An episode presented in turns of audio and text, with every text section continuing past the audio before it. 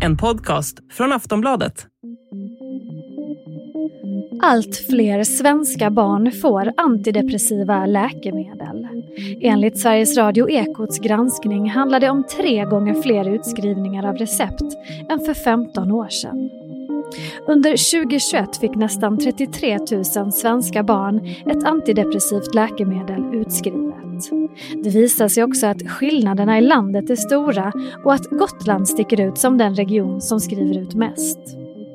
Det är dessutom tre gånger vanligare att svenska barn får antidepressiva läkemedel än norska och danska barn, visar forskning från Karolinska institutet. Och just den här skillnaden mellan de tre länderna ska vi fokusera på i dagens avsnitt. Varför ser det ut som det gör? Vad är det egentligen för tillstånd man behandlar? Och vad tror forskarna om framtiden? Välkommen till Aftonbladet Daily. Jag heter Olivia Svensson. Gäst är Johan Reutfors. Han är överläkare och docent på Karolinska institutet och även forskare på Centrum för läkemedelsepidemiologi. Han har tillsammans med andra nordiska forskare studerat utskrivningen av preparat till barn och unga i Sverige, Danmark och Norge. Johan Reutfors får börja med att berätta hur de gått tillväga i sin forskning.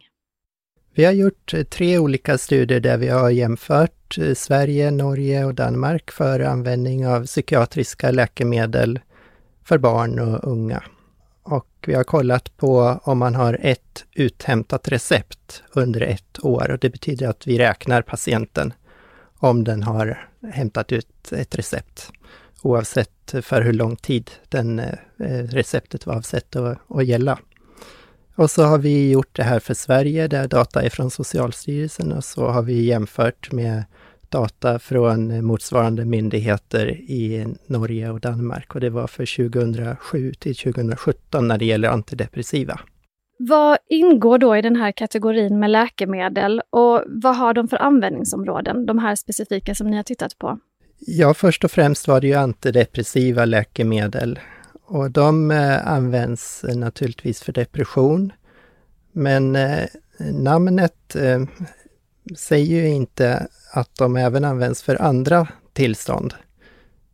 som till exempel viktigt att tänka på tvångssyndrom, bland annat, som är jätteviktigt att behandla. Och för äldre barn och unga vuxna kan det vara till exempel paniksyndrom, eh, andra ångesttillstånd. Och delvis ibland för sömn och eh, sällsynta fall till och med för sängvätning och migrän. Och när resultaten kom in efter ni har gjort en, haft en forskningsperiod på tio år, berätta då vad ni reagerade särskilt på. Vi reagerade på att vi såg så tydliga skillnader att Sverige återkommande sticker ut med högre användning och att det här gäller för olika psykiatriska läkemedel. Så för eh, antidepressiva läkemedel så såg vi högst tal i Sverige. Där nådde eh, andelen av barn och unga upp till 1,8 procent som använde det under ett år. Och det kan jämföras med Norge och Danmark eh, på cirka 0,8 procent. Så det var ungefär dubbelt så många i Sverige, i vissa åldersgrupper tre gånger så många. Och ja, för åldersgruppen 15 till 19 år så var ju talen högre. Där var det nära 7% av flickor och nära 3% av flickor som hade fått ett antidepressivt läkemedel i Sverige under ett år. Så det var alltså dubbelt så många flickor som pojkar i den åldersgruppen. Blev ni förvånade över resultatet eller hade ni fått indikationer på att det såg ut så här innan ni började er studie? Ja, men vi visste ju att eh, det pågår en ökning i Sverige med användningen av de här läkemedlen, men vi visste inte att, eh, att det finns en mycket högre nivå i Sverige jämfört med Norge och Danmark. Nej, just det. Och som du då sa, alltså tre gånger vanligare då i vissa fall att svenska barn får de här läkemedlen än eh, norska och danska barn. Och då undrar man ju naturligtvis, betyder det här att svenska barn mår sämre? Ja, det är såklart en svår fråga som just läkemedelsanvändningen inte riktigt svarar på. Och när man har mätt eh, och gjort andra typer av studier, till exempel med enkäter från våra länder, eh, då har eh, studier pekat åt lite olika håll kan man säga. Och samtidigt när det gäller läkemedel så vet vi ju totalt sett inte vad som är den mest lämpliga nivån. Så om vi ligger för lågt eller för högt i förskrivningen av dem i olika länder. Men vad drar ni för analyser av skillnaderna? För man tänker ju lätt att det här är väldigt negativt, att vi skriver ut eh, så många eh, doser av antidepressiva läkemedel. Men kan det finnas positiva aspekter också? Vi kanske är bättre på att behandla här, vi kanske fångar upp barn på ett annat sätt. Ja, eh, Socialstyrelsen har ju tagit fram uppgifter om att diagnoser inom ångest och depression har ökat inom samma tidsperiod, så då kan man ju eh, tänka att det kan vara relaterat till det, självklart. Eh, men frågan är ju ändå om det är en reell ökning av de här tillstånden eller om det kanske tidigare varit ett mörkertal som man nu börjar upptäcka. Eh, sen saknar man ju uppgifter i registren på nationell nivå också från eh, primärvård, det vill säga vårdcentraler och skolhälsovård. Det är mycket svårare att få fram uppgifter om än från specialistvård.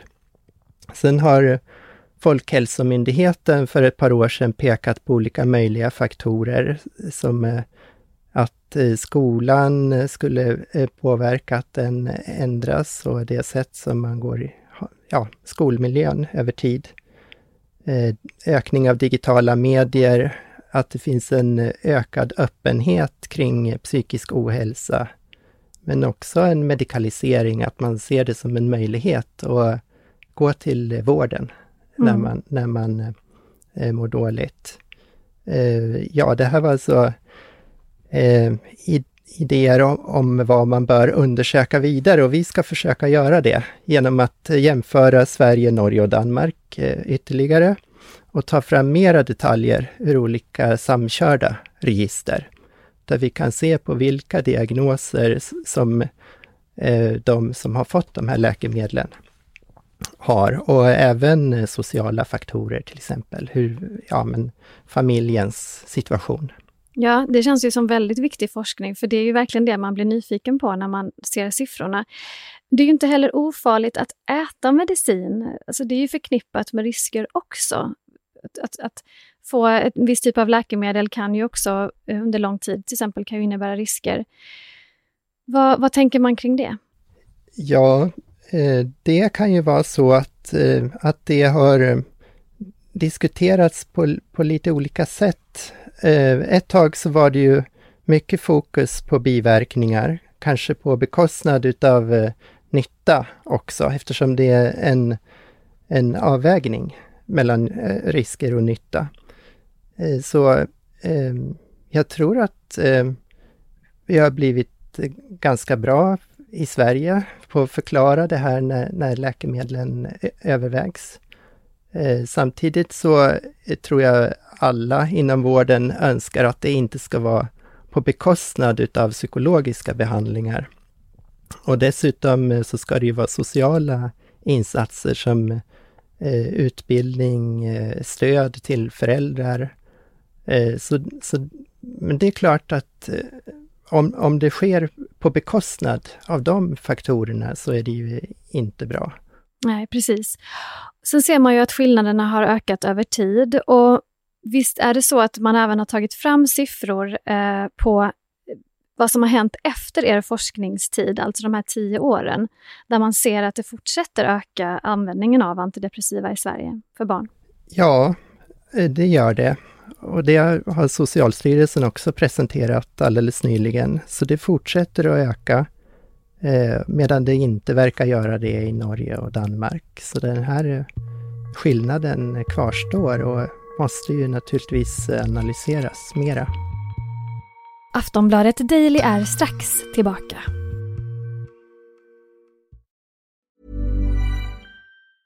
Hej, jag Ryan Reynolds. Recently, I asked Mint Mobiles legal team if big wireless companies are allowed to raise prices due to inflation. They said yes. And then when I asked if raising prices technically violates those onerous two-year contracts, they said, what the f*** are you talking about, you insane Hollywood ass?"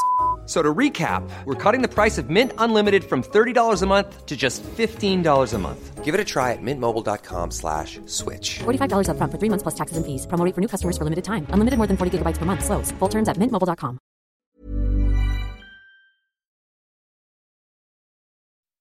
Har ni någon kontakt med de här eh, norska och danska kollegorna kring resultaten? Och i så fall, vad säger ni till varandra om just skillnaderna? Ja, så att eh, ja, i Danmark så, så finns det vissa funderingar på om man behandlar för lite. Att eh, kanske, kanske Sverige eh, har kommit eh, till, till en bättre balans. Men, men eh, det är ju ingen som vet. Det vi vet är att eh, Sverige har många fler barn och ungdomspsykiatrer. Eh, så, så per 100 000 barn och unga så är det över 20 i Sverige, barn och ungdomspsykiatrer, medan det är ungefär 10 i Danmark. Och, och läkemedlen förskrivs ju av sådana specialistläkare i allmänhet. Just det. Tror du eh, att vi i Sverige har en generell tilltro till mediciner, kanske i större utsträckning än i våra grannländer? Ja, kanske. Men eh, jag tror eh, nog eh, att man eh, generellt försöker att arbeta med eh, den här biopsykosociala modellen. Eh, att det ska finnas både psykologisk och eh, social, sociala insatser.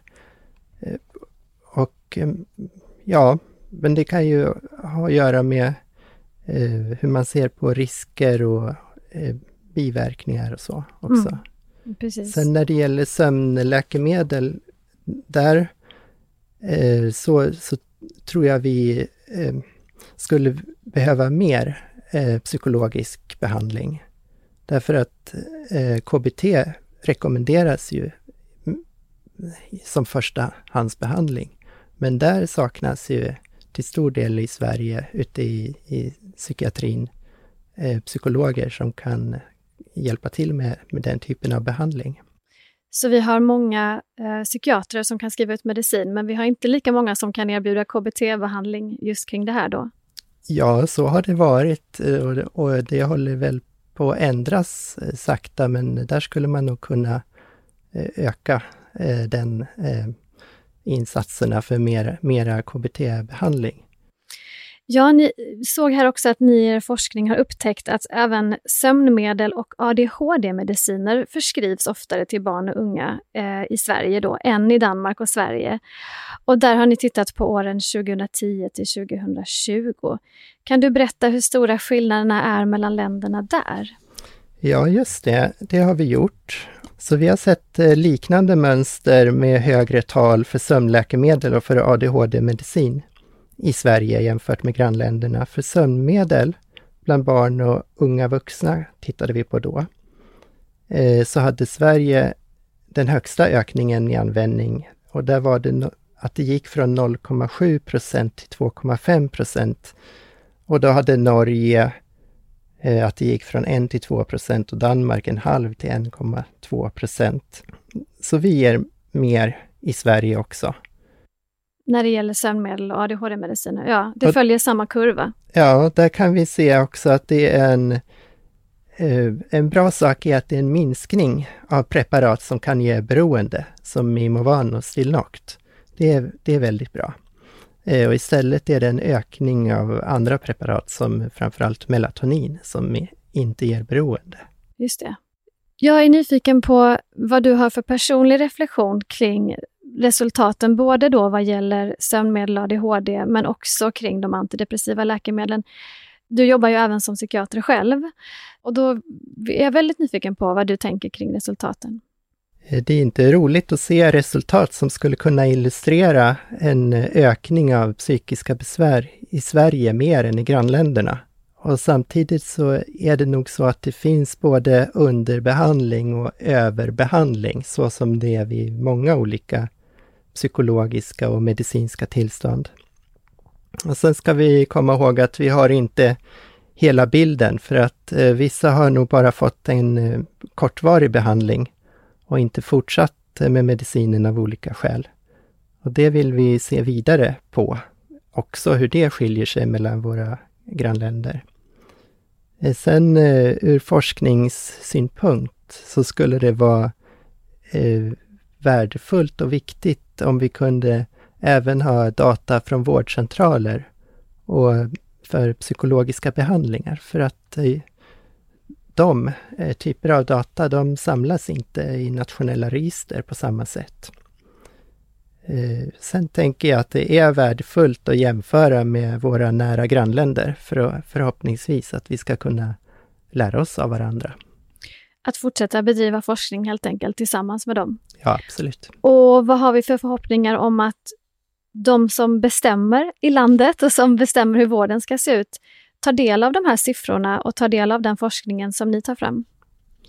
Eh, de förhoppningarna finns, så, så, att det, det, känner de till också. Mm. Och, och, en annan eh, väldigt bra sak är att det pågår ett arbete för att just de här data som jag nämnde ska, ska bli tillgängliga med att eh, även från vårdcentraler och eh, mediciner även som ges på sjukhus. Så det, det ser bra ut. Sist här hörde vi Johan Reutfors, överläkare och docent på Karolinska Institutet samt forskare på Centrum för läkemedelsepidemiologi. Jag heter Olivia Svensson och du har lyssnat på Aftonbladet Daily som är Sveriges största nyhetspodd. Vi hörs igen snart. Hej då!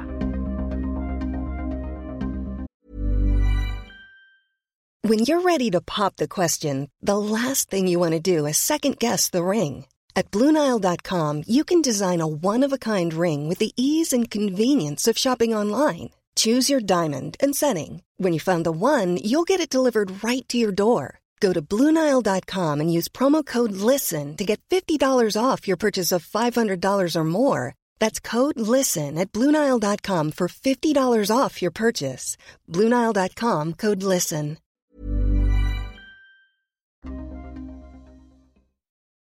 Du har lyssnat på en podcast från Aftonbladet. Ansvarig utgivare är Lena K Samuelsson.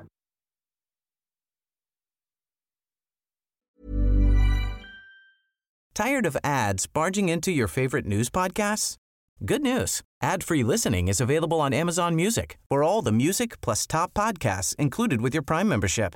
Stay up to date on everything newsworthy by downloading the Amazon Music app for free or go to amazon.com slash news ad free. That's amazon.com slash news ad free to catch up on the latest episodes without the ads.